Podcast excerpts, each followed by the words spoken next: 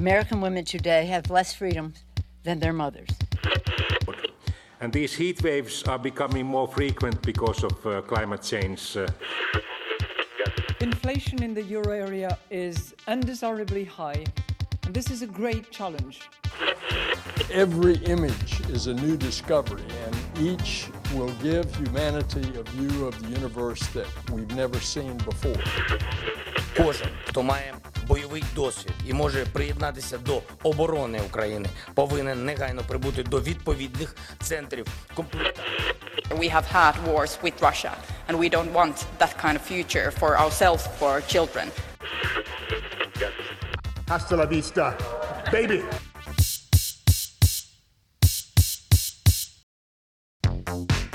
Þú ert að hlusta á heimskviður.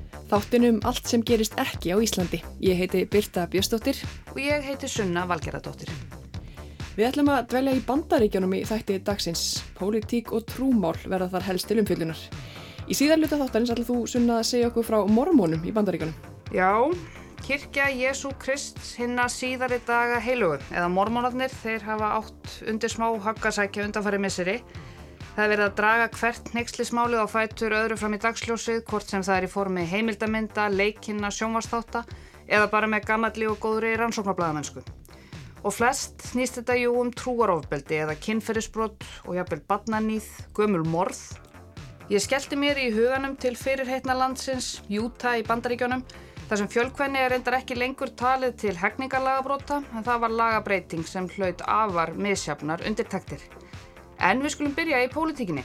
Það eru ótal fréttir sem hafa verið sagðar undan farin misseri af sundrungu í bandarískum stjórnmálum og samfélagi. Skotvopnaegn, löggjöf um þungunarof, laurugluofbeldi gegn svörtum, brottflutningur bandaríska hersins frá Afganistan, innrásinn í þinghúsið í Washington og um það byl allt sem Donald Trump segir og gerir. Já, þau hafa verið ófá þrætu eplinn þar vestra.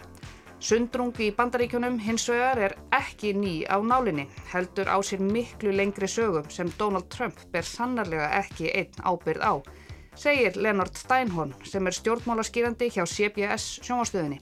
En Birta hitti Steinhorn á dögunum. Confrontation and conflict is the baseline in American politics right now. Þetta er eiginlega fyrirsögnin, yfirskriftin á eftirfarandi samtali mínu við Leonard Steinhorn um ágreining og átöku í bandarískum stjórnmálum þessi dagrin. Confrontation and conflict is the baseline in American politics right now.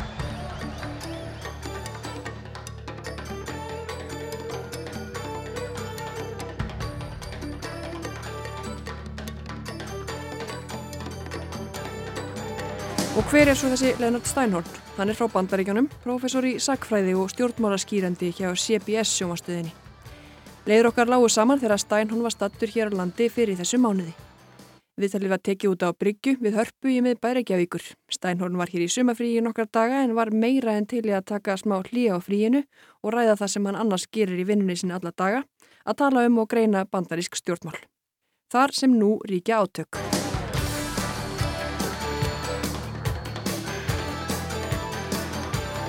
Steinhorn segir sjálfgeft þessi dagirinn að stóru flokkarnir tveir komið sér saman um nokkurt skapaðan hlut í deildum bandaríkjathings. Þó það sé það sem Joe Biden vilji svo gjarnan að geta komið mannskapnum saman um nokkur mál. It's the rare example when they get together across the aisle to be able to accomplish something. So they've been able to do that in a couple of cases and I think that's what President Biden wants to be able to say, hey, look, we're able to make some accomplishments across the aisle and get things done. But for the most part, our nation is very divided, very polarized. We are living in a country with two separate cultures almost at war with each other. Þjóðun okkar er sundruð og skautuð. Við búum í landi með tveimur fylkingum sem nánast eru í stríði hvort við aðra. En svo dregur Steinhorn reyndar aðeins í land. Vilji fólk ekki orða það sem svo að hóparnir séu í stríði hvort við annan, sé það allavega svo að hóparnir skilji illa hvort annan, lifi ólíku lífi og ég erfitt með að setja sér í spór hvort annars. Or at least if you don't want to go that far at war with each other, at least don't understand each other, don't have the sh same shared lived experiences as each other, uh, live in different parts of the country, uh, believe in different religions or no religion at all. Um, so it's a very, very divided country right now, not just politically, but culturally, and the cultural divisions manifest themselves in the politics. Skautunin eigi sér ekki bara stað í stjórnmálum, hún á sér stað í samfélaginu sjálfu sem svo smitast yfir í pólitíkina. Ágreiningurinn á sér margar byrtingamindir í alls konar málum. Steinheim nefnir fyrst umdelda ákverðun hæstaréttar bandaríkjana að snúa við dómi í máli Ró gegn Veit frá árunni 1973. Þið munið hlustendu góðir þar sem staðfest var að þungunarof var í stjórnarskrárvarin réttur í bandaríkjanum. Í júli ákvarðaði hæstaréttur bandaríkjana að stjórnarskráin tryggi konum ekki rétt til þungunarofs. Heldur sér það löggjafavaldsins í hverju ríki fyrir sig að ákveða hvort það sé yfir höfuði í bóði. So, coming ahead, okay, we've already seen with the Supreme Court some very divisive issues, uh, overturning fi almost 50 years of precedent uh, on abortion rights with Roe v. Wade. Uh, that's dividing the country. All of a sudden, you're seeing certain states banning abortion from the moment of conception. In fact, the state of Georgia just said that an embryo can be taken as a tax deduction on somebody's taxes right now, as if they were a person. They would be a dependent. Fjöldi ríkja hafi þegar breytt lögjöf sinni um þungunarof, sum ríki miða jafnvel við getnað. Í Georgíu getur fóstur verið skráð til skattafrádráttar eins og um einstakling sé að ræða. Ólík lögjöf í mismunandi ríkjum ali á þessari sundrungu. Lögjöf um bissuegn er sömuleiðis nokkuð sem fólk skiptist í andstæðar fylkingarum. We are living in a country where different states have different laws on abortion.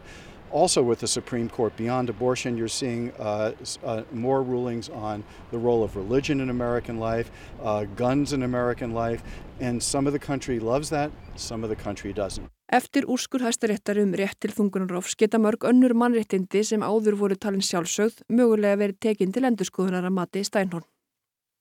Hæstarétta dómarinn Clarence Thomas hafi sagt að jafn réttur fólks til hjónabanda og háð kynneið væri til dæmis nokkuð sem ægt væri endur skoða með sömu glerugum. So, in his um, concurring opinion on the Supreme Court, uh, Clarence Thomas, who's a Supreme Court Justice and Associate Justice, basically said this Dobbs decision overturning Roe all of a sudden puts into question whether uh, the, the precedents of marriage equality and contraception and privacy should exist, and those may come uh, across the Supreme Court in the coming years. So, once again, we are living in a time where you know our politics is on a knife's edge and there's one side against the other and people don't agree and it's very hard to be able to reconcile with each other. En á ný standa bandarísk stjórnmál á krossgötum þar sem enginn viti hvað gerist næst. Erfitt sé að sætta stríðandi fylkingar og fylkingarnar eigi sem fyrir segir sífælt erfiðara með að setja sig í spór hinna. Og til að nefna enn eitt hitamálið í bandarísku samfélagi sem hartir tekist á um eru réttarhöldin eftir innrásina í þingusið í Washington þann 7. janúari fyrra. Og þar eru þetta í forgrunni maðurinn sem bandaríkjamenn ímist elska eða hata fyrir um fósittin Donald Trump. So Donald Trump is all of a sudden looking at those hearings and saying maybe I better you know, declare my candidacy sooner rather than later because I see support eroding.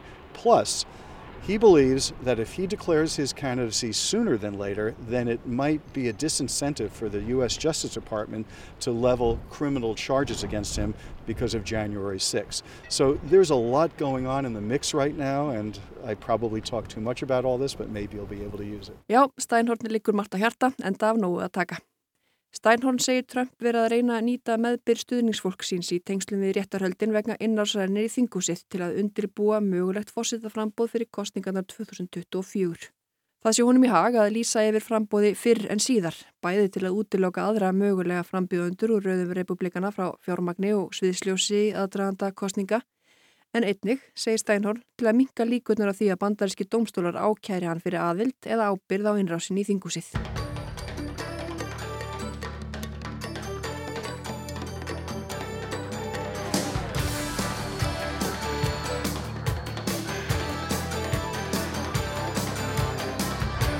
Mörg hafa bent í átt Donald Trump fyrir um fósita bandaríkjana í leitað sökudólkum þegar sundrungi í bandarísku samfélagi er annars vegar. Stærnhón segir að saga sundrungar náir reyndar mun lengra aftur en stjórnatíð Trumps.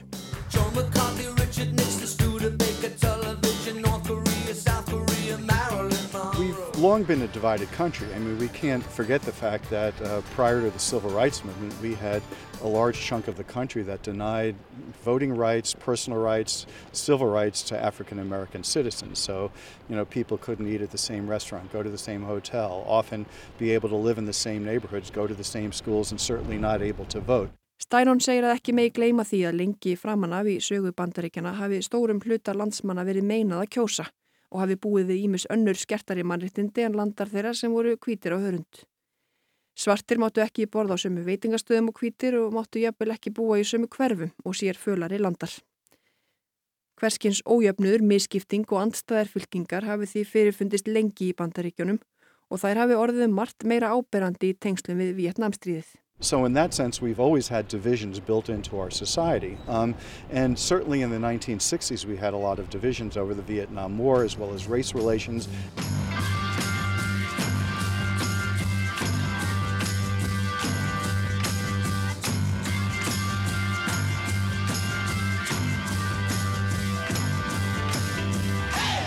Á sjújunda áratug síðustu aldar eruðu strömmkvarfi í þessum efnum að mati Steinhorn.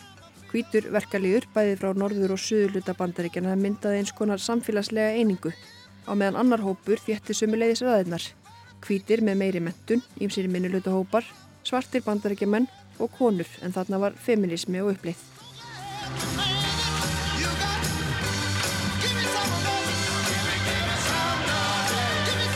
Meðan á Vietnamstríðinu stóð og í kjölfar þess þéttu þessir tveir ólíku hópar óskipulaða raðir sína enn betur með sitt hvori sín sinni á heimsmyndina. Um, so what happened is, uh, in the 1960s was really the dividing line because what you began to see is two separate cultures emerging in the 1960s in, in, America. Sort of a more traditional white working class culture that was associated with southern whites but also northern industrial whites um, who were sort of manufacturing workers um, and an emerging culture which was sort of a, a coalition between sort of educated whites, uh, minorities, African Americans, increasing number of women, uh, especially in the rise of feminism. So you began to see two cultures emerging out of that time and the lightning rod for all of that was the Vietnam War. Og þarna var Donald Trump viðsfjari bandariskum stjórnmöldum og ber þarna enga sög þó hann hafi síðar tilenga sér orðræði þess fósetta sem þarna var við völd. Árið 1968 lagði fósettin Richard Nixon línunaðamati Steinhorn. Hann hefði getað talað fyrir einingu, lofað fjölbreytileikan og hvart stríðandi fylkingar til gagkama virðingar. En gerði það ekki. And so what happened is that Richard Nixon, when he ran for president, he made a decision in 1968. Um, he could have embraced the diversity and inclusion of our culture, or he could have used the dissension at the time and uh, and sowed more resentment and grievance. And he chose the latter rather than the former. And so out of that, with Richard Nixon talking about the silent majority and law and order, which are all code words for sort of white working class resentment against minorities in the United States, um, that that became sort of the foundation for some of the culture wars that we were seeing in the decades since. Um, so Richard Nixon uses the word phrase silent majority. He uses the phrase law and order. Guess what Dr- Donald Trump uses in 2016? Silent majority and law and order. He distinguished his supporters, the forgotten Americans, from the vocal minority in the streets with a new catchphrase. To you, the great silent majority of my fellow Americans, I ask for your support. Orðræða Richard Nixon sem hinn þöggla meiri hluta og lög og reglu hafi verið líkil orðin, ætluð til að tala inn í ákveðin hóp kjósenda, kvítu verkefliðstjættina, gegn minnulutahópu. Uh, by law and order, I mean law and order for everybody. Uh, and let me lay one thing right on the line at the beginning. I, I know that it has been suggested that law and order is a code word for racism. I don't buy that at all. Steinheim segir að þarna hafi verið lagður grunnurinn að orðræðu fórseta þar sem ákveðnum hópi kjósenda er gert hærra undir höfði. Það er talað beint til þeirra á kostnað annara. Donald Trump hafi áratugum síðar notað nákvæmlega sömu orðin um þögla meirulutan og lög og reglu. Það sama var upp á teiningum 12 árum og eftir Nixon þegar Ronald Reagan var fórseti. Likilorð hans, Let's make America great again. That's why I'm running for president. Only one man has the proven experience we need. Ronald Reagan for president. Let's make America great again. Spólum svo fram til ásins 2016 þegar Donald Trump sór þess heit að gera bandaríkin frábæra á nýjan leik. We will make America safe again. And yes, together we will make America great again.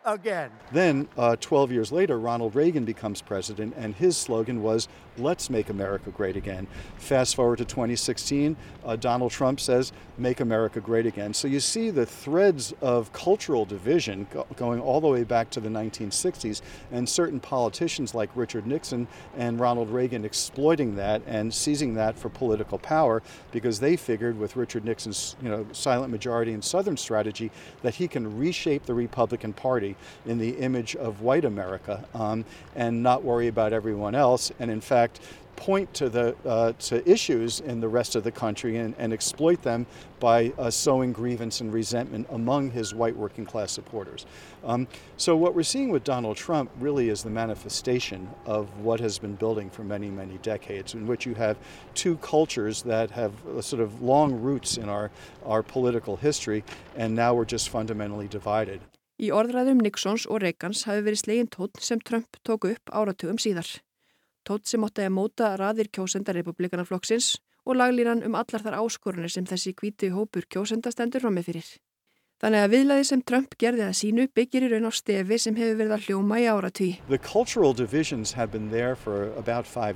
Right now,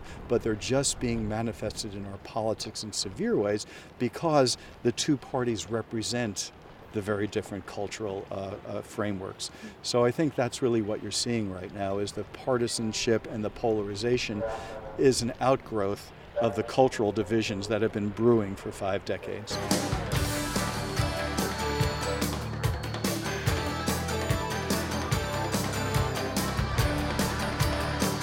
Sem kunnut er, eru þeir eiginlega bara tveir stjórnmálaflokkarnir í bandaríkinu. Fyrir á þessu ári var hins vegar stofnaður nýr flokkur, Forward Party, áfram flokkurinn. Þrátt fyrir að breyðari gjá sé nú að milli þeirra sem kjósa demokrata annars vegar og republikana hins vegar, segir Stænheim ekki líklegt að nýstofnaður miðjuflokkur eigi eftir að sópa til sín fylgi. Það segir sagan okkur. I don't think they'll have much success. Uh, third parties very rarely get off the ground in our country. The latest you had was Ross Perot in the 1990s, uh, and he did get a certain chunk of votes in 1992, but uh, his party um, basically, you know, sort of uh, frittered away after that. Before that, you had George Wallace in, the, in 1968 as a third party candidate, representing all of those Southern whites who hadn't yet migrated to the Republican Party, but ultimately would. So George Wallace was a bridge to the Republican Party for a lot of Southern whites at that time. Ross Perot fekk nokkur atkvæði í frambóði sínu árið 1992 en síðan ekki söguna meir. The dollar's gone through the floor. Now whose fault is that? Not the Democrats, not the Republicans. Somewhere out there, there's an extraterrestrial that's doing this to us, I guess. and everybody says they take responsibility. Somebody somewhere has to take responsibility for this. Árið 1968 fór George Wallace fram og vildi ná til kvítra í Suðuríkjónum sem enn höfðu ekki flutt sér frá demokrátum yfir til republikanaflokksins. Það gerðan en varð eins konar brú fyrir þennan hóp yfir til republikana.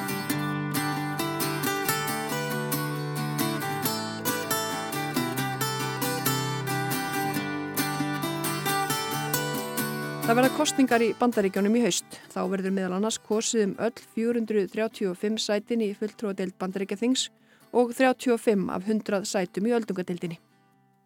Steinhorn segir að efnahagsmálinn verði líklega eitt stærsta kostningamáli að þessu sinni. Kannanin síni áhyggjur fólks vegna sívaksandi verðbólgu. Það séu þetta efst í huga kjósenda þegar matakarfan og reikningar hafa hækkað um 20% á skömmum tíma. Þó laun hafi hækkað hefur vöruverð hækkað enn meira. Sure. Uh, when you look at surveys, uh, people are worried about inflation. They're worried about the economy. Um, these are top of mind concerns. When you go to the grocery store and you, you know, your your bill is 20% higher than it was just a few months ago, you worry about it. And so even though wages have been going up, um, uh, you actually have a net loss in monthly spending power because inflation is going up higher than wages. Verðbólga og vöruhækkanir eiga sér ótal skýringar, til dæmis áhrif kórnuveru faraldursins og innrásin í Úkrænu. Þó Joe Biden fórseti beri litla sök í þeim efnum er þó líklegt að hann og flokkur hans þurfið að gjalda fyrir ástandið í komandi kostningum. So there are a lot of factors there, some of them uh, having nothing to do with Joe Biden, but the problem in politics, as we like to say in American politics, um, if you have to explain your message, you don't have a very good message. Um, so as much as Joe Biden might want to explain the sort of context and the reasons behind it, people still point the finger at the person in charge. Ef þú ert að útskýra skilabúðin þín, eru það ekki nógu góð skilabúð, búðar þekktur frasi í bandarískum stjórnmálum. Svo þó að Joe Biden geti gefið ítalegar útskýringar á verðbólgu og háu vöruverði, þá bendi kjósendur á þann sem er við stjórnmálum hverju sinni þegar eitthvað er að. Hæstraðundur í bandaríkjunum hafa í gegnum tíðina litið af sig og þjóð sína sem sjálfskeipaða liðtoga Vesturlanda og eins frjálsa heims. Í lokin spyr ég Steinhorn hvort sundrungin veiki ekki þessa sjálfskeipuðu stöðu. Now, obviously, uh, people all over the world pay attention to American politics because of America's outsized role in the world. And so, yes, nobody will ever deny the challenges we face in the United States. We have plenty of them. Um, and we've had them since the founding of our country and the original sin of enslaving people and bringing them over to our country and having to uh, somehow deal with uh, sort of making the reality meet the ideals of the American, of the American system. Um, so, yes, we have our problems, and other countries do pay attention to us on all that, and other countries ought to be worried about, um, you know, whether the wheels are coming off our democracy, whether we're becoming so polarized, whether some of the basic rights and freedoms that other countries saw in the United States and then modeled themselves after are beginning to sort of wither away or become weakened or diluted in the United States. Um, so it's fully legitimate for other countries to keep an eye on that and to worry about that.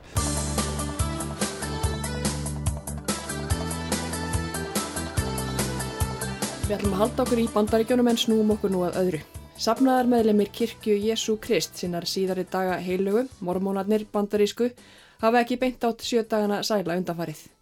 Þó að sértrúasöfnuður undan mormónakirkjunni hafi lengi verið undir smásjáni hjá stjórnvöldum í bandaríkjunum, reyndar í um byrj 130 ár, þá er eins og fjölmiðlar Vestanafs hafi nýverið tekið til við að dusta ríkið af gömlum neykslismálum, kynferðisbrótum, sértrúasafnaðar leiðtugum og ógeðinu sem fekk að grassera undir niðri eins og svo oft í nafni trúar.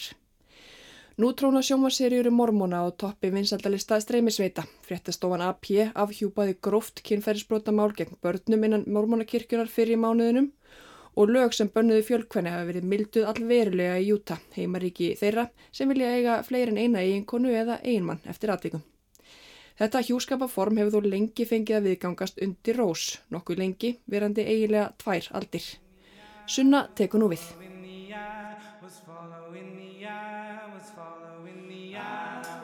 Kirkja Jésu Krist hinna síðari daga heilögu eða Mormónakirkjan fagnar bráðum 200 ára afmæli sínu. Hún var stopnuð í bandaríkjónum á fyrri hluta þar síðustu aldar, nánar tiltekið árið 1830. Mormónar eru kristinn trúflokkur. Þau trúa að þau einn séu endur risinn söpnuður Jésu Krist og að aðrir kristnir trúarhópar hafi vilst af leið. Ætli þetta sé reyndar ekki eitt af því sem flest kristinn trúfélag eiga sameinlegt að þau séu þau útvöldu, þau einur réttu og hinn séu að miskilja. En hvað um það? Mormónar trúa því að við eigum eilíft líf, bæði fyrir og eftir veru okkar hér á jörð og á það að stjórna öllum okkar verkum. Lífið er þrískipt samkvæmt söpnuði kirkju Jésu Krist sinna síðar í daga heilugu. Það er þá fyrir fæðingu, þá eru við skilgrend sem andleg börn, svo er þið eiginlega jarðlíf, það er einslutíminn og við tekur svo eilíft líf með Guði og konu hans hinni himnesku móður á himnum ef við högum okkur sóma samlega þar að segja. Sapnaðarmeðlimir setja fjölskylduna í fyrsta seti. Þar að segja að fjölskyldan er mikilvæg, hún er mjög mikilvæg. Fóstureyðingar eru bannaðar, samkynneið líka, kynlíf, utan hjónaband, klám og allt þar fram eftir göttunum. Það er bannað að stunda fjárhættuspil, nota nikotín, áfengi, te, kaffi eða önnur fíknefni, lögleg eða ólögleg. Og þó að þessi vissulega starfræktur mormónasöfniður á Íslandi sem telur 154 félaga þá þekkjum við mormónana líklega flest á þessu. Hello, my name is Elder Price and I would like to share with you the most amazing book. Hello, my name is Elder Smith and can I leave this book with you for you to just peruse? Hello! Hello! Hello! I'll just leave it here. Þetta var upphafsatriði söngleiksins vinsæla Book of Mormon eða Mormonabókarinnar eftir þá Trey Parker, Matt Stone og Robert Lopez. Söngleikurinn var frumsýndur á Broadway 2011 en hefur síðan þá halað inn yfir 500 miljónum dollara og er orðin svo síning sem hefur verið sínd lengst á fjölum Broadway en hefur verið síndur um allan heim. Söngleikur um mormóna þar sem er gert góðlátlegt grínaðeim, siðum þeirra og venjum og auðvitað bókinni sjálfri, The Book of Mormon. And the Tony Award goes to The Book of Mormon! The Book of Mormon! I think the night would be a big disappointment if we didn't thank our co-writer who passed away, Mr. Joseph Smith, the founder of the Mormon religion. You did it, Joseph! You got the Tony! Ben Brantley of the New York Times. Þetta var Trey Parker að tilenga Tony velun nummer eitthvað í röðinni, Joseph Smith, hinn um eiginlega höfundi mormonabókarinnar og stopnanda kirkjunar. Þér tókst það, Joseph, þú fjagst tónivelunin, saði Parker.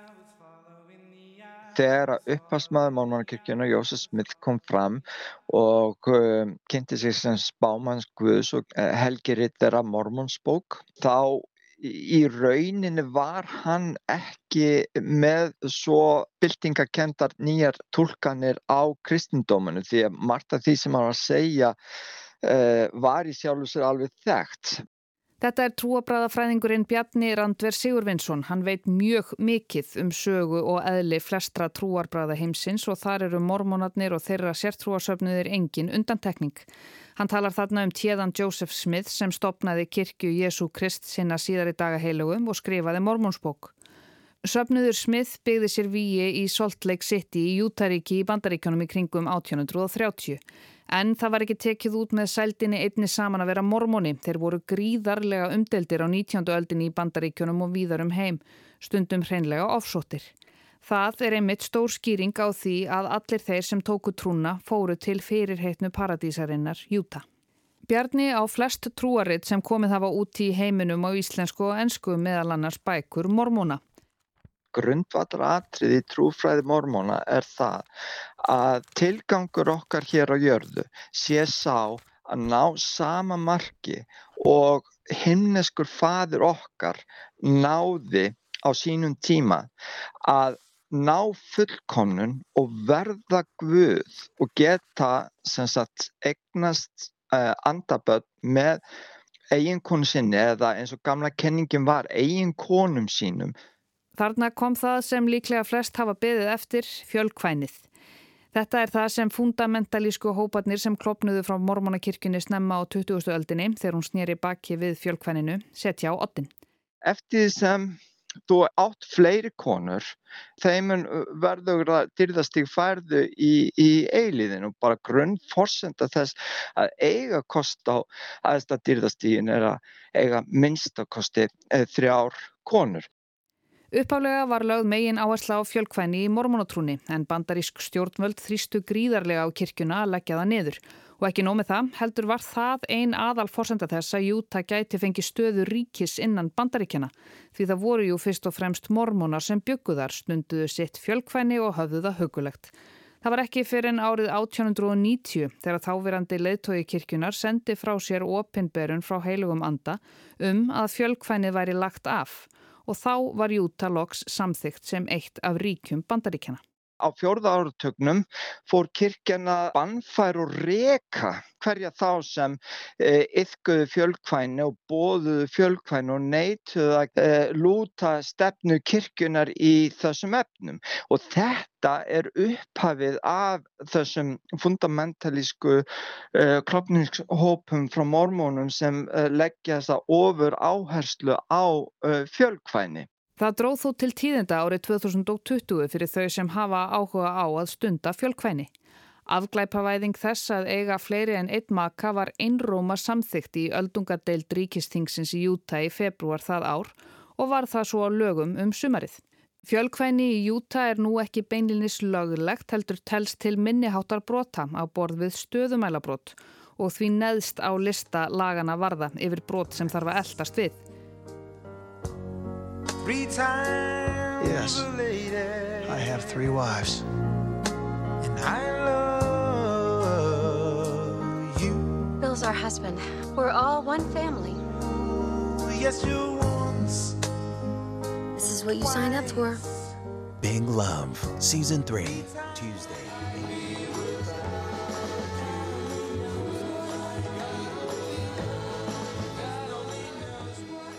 Hlustendur kannast kannski við þessa rattir úr HBO sjónvastáttaröðinni Big Love sem fjallar um ástir og örlög fjölkvænis mormónafjölskyldu í Júta.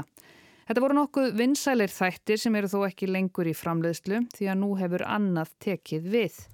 Sjokkerandi heimildarmyndir eða þættir um sönn sakamál, dularfulla sértúarsöfniði, siðblinda raðmorðingja eða sjarmirandi svikarrappa hafa aldrei verið vinsæli en nú og frambóðið er eftir því.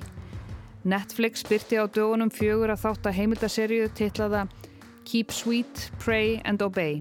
Verið góð, byggið og hlýðið. Þættirnir fjalla um enn einn sértrúarsöfnuðin, enn einn leðtogan, enn einn mannin sem notfærði sér blinda trú fylgjenda sinna til að beita þá ofbeldi, stela af þeim, stjórna þeim og kúa þá.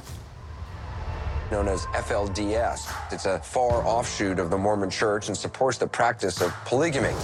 The more wives, the more children you have, the higher in heaven you'll be. Þættirnir eru byggður upp á hefðbundin hátt. Það er taugatrekkjandi tónlist viðtöl við þólendur sem sluppu úr söfniðinum. Það eru byrtar gamlar myndir og gömul myndskeið. Konurnar sem stíga fram í þáttunum sluppu undan ægi valdi og ofbeldi sértrúarsafnaðarleittogans Warren Jeffs sem nöðgaði, kúaði og meitti fylgjendur sína í ára raðir. Nafn þáttana, Keep Sweet, Pray and Obey, vísar til orðatiltækis sem Jeffs myndi fylgjendur sína jafnan á. Að vera góð, byggja og hlýða. Make sure this is the heavenly gift you're reaching for and exercising through oneness. You have to be converted to think of God and your husband, that's me, in every thought, desire, work, action. And I'm here to do the will of my Father and this Heavenly Father. Þetta var upptaka sem Warren Jeffs gerði á meðan hann stundaði kynlíf með þremur af 79 eiginkonum sínum. Hljóð upptakan var síðan lögð fram við réttarhöldin yfir honum en hún er meira en 20 mínútur að lengt. Are you smiling? Look around. Is the light in everyone's eyes? Warren Steed Jeffs fættist hann 5. desember 1955. Hann situr nú í fangelsi. Jeffs leiti fundamentalistasöfnuðin Fundamentalist Church of Jesus Christ of Latter-day Saints sem er skamstafað FLDS. Það má þýða á íslensku sem bókstafstrúar fólk eða fundamentalistar, kirkju Jésu Krist og hennar síðari daga heilugu. Ég ætla að stiðjast við ennsku skamstöfunina hérðanaf í þessum þætti FLDS Fundamentalist Church of Jesus Christ of Latter-day Saints. Bjarni Randver, trúarbráðafræðingur, kýs að notast við orðið fundamentalismi í stað bókstafstrúar því að þeir leggja ofur áherslu á að ákveðin grundvallar atriði sem megi alls ekki víkja frá og í því getur falist bókstafstrú eða bókstafleg tólkun á helgiritum en það þarf ekki endilega að vera. Safnaðarmeðlimir FLDS lögðu undir sig tvo bæi, Hildale og Colorado, einlega alveg á mörgum Arizona og Utah ríkja í bandaríkjunum. Úrvarð samfélagið Short Creek, allræmdasta fjölkvæni samfélag sem þekst hefur á Vesturlöndum. Jeffs átti 78 eða 79 eiginkonur þegar mest var, en hann er bara einn af mörgum leiðtógum þessara mormónsku sértrúasafnaða og líklega eða vonandi sá allræmdasti. Hann leggur einmitt áherslu á fjölkvæni eins og frektur orðið og þegar fadir hans, Rúlon Jeffs, var leiðtógi FLTS ákvað hann að skilgreina sig sem spáman og sonur hans fyldi í fótspór föður síns og tók sér svo sömu leiðis stöðu spámansins. En það var árið 2002. Spámaðurinn einn hefur rétt á því að ákveða hverjir giftast hverjum og getur endur skipulagt hjónabönd umsöfi á löst ef honum hugnast ekki hitt eða þetta. Jeffs hafði ekki verið hinn allsjáandi og alltumleikandi spámaður lengi áður en yfirvöld fór að setja hann undir smásjana. Hann var fyrst ákerður fyrir kynferðisbrot gegn badni árið 2005 og fyrir að hafa skipulagt hjónaband á milli 14 ára stúlkum og 19 ára frænda hennar. Skipulagðu hjónaböndin innan FLTS voru heldur betur óhugnanleg og kynferðis aðtapnirnar ekki síður. Einungis nokkrir útvaldir kallmenn fengu að fjölga sér og voru þeir kallaðir sæðisberar.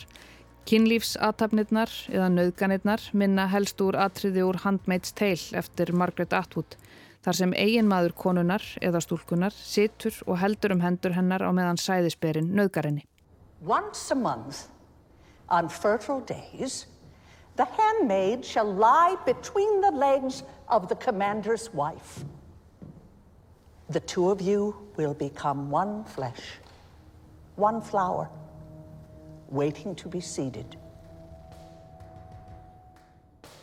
Warren Jeffs var á flótta undan yfirvöldum í um tvö ár. Um tíma var hann á lista bandarísku alrikiðslauruglunar FBI yfir eftir listustu menn heims. Hann var við hliðin á Osama bin Laden um tíma til dæmis.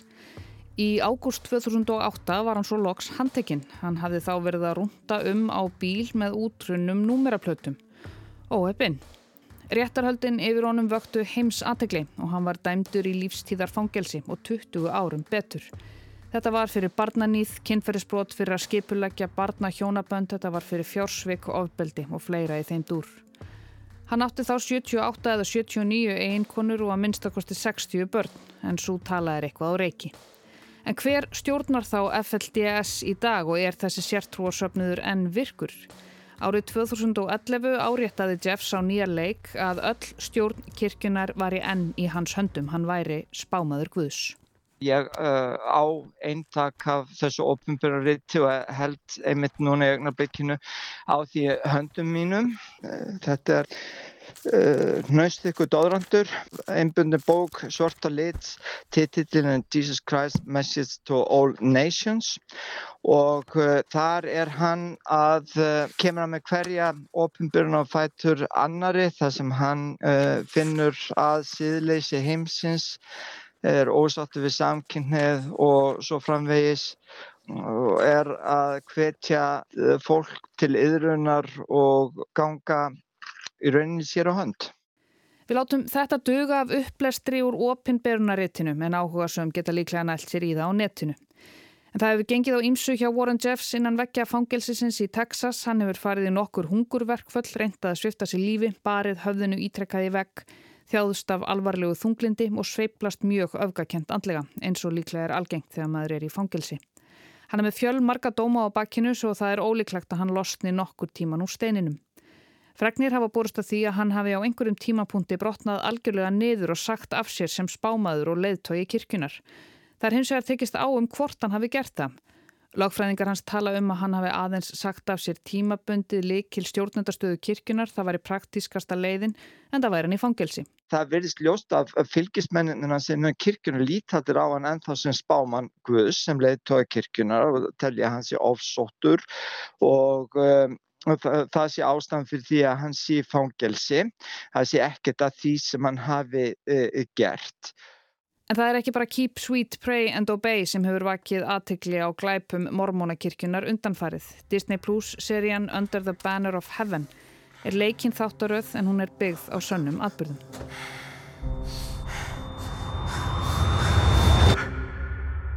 Heavenly Father, we ask that we might be instruments in thy hand Sagan byggir á hrottafengnum morðum og henni 24 ára gömlu brendu Lafferty og rúmlega árskamalli dóttur hennar, Eriku. Þær voru myrtar á heimilisjunni í Utah og var það eigin maður brendu og pappi Eriku litlum sem kom að þeim látnum. Síðar kom í ljós að ótaðisverkin höfðu verið framinn af tveimur bræðurum föðursins en báðir voru sapnaður meðlumir FLTS. Ástæðan, Guð hafði skipað þeim að fjarlæga, innan gæsalappa eða remove á ennsku, mákonu sína og frængu.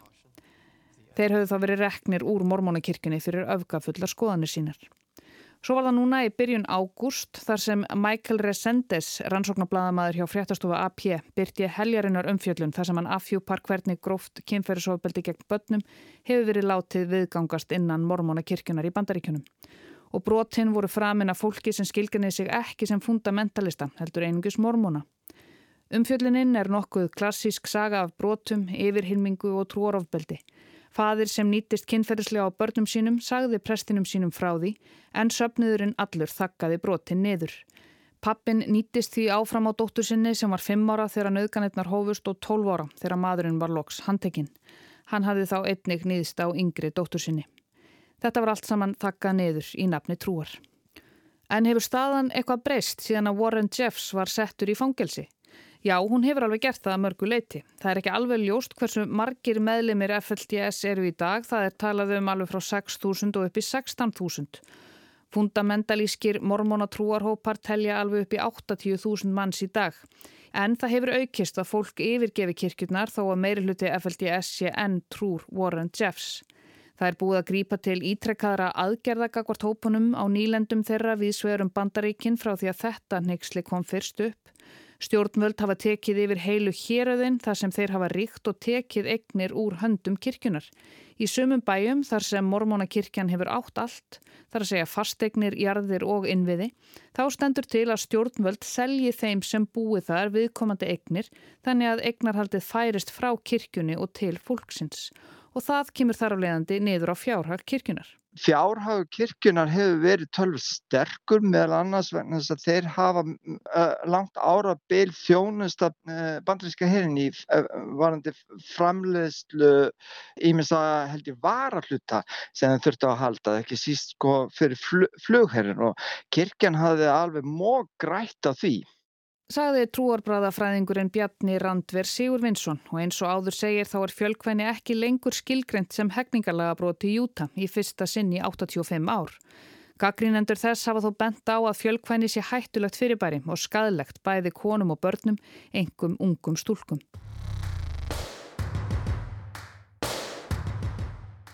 Allt og mörg dæmi séu þekkt um að korn ungar stúlkur hafi verið þvingaðar til að giftast sér mun eldri mönnum og þá er hinn allræmdi Warren Jeffs oftar en ekki dregin fram sem dæmi. En eins og alltaf þegar kemur að umræðu um skadlega sértrúarsöfnuði, hvaðan sem þeir koma og hvernig sem þeir starfa, þá þarf yðurlega að taka fram að lang flest fólk yfkar trú sína því sjálfu og öðrum að skadlausu. Það eru öfgarnar sem meiða, fundamentalismin, bókstafstrúin sem getur verið hættuleg. Öfgarnar og ofbeldið getur þó byrst í ótrúlegustu kemum og krókum og þróast út í óafturkræfa harmleiki eða færa grassera blind í nafni trúar og einhvers sem skilgreinir sig sem alvald, spáman eða leittóga. Þessi dæmi um afhjúpanir í mormónakirkjunni í bandaríkjunum eru því miður bara brota brota því trúarofbeldi sem hefur viðgengist og viðgengst enn um allan heim.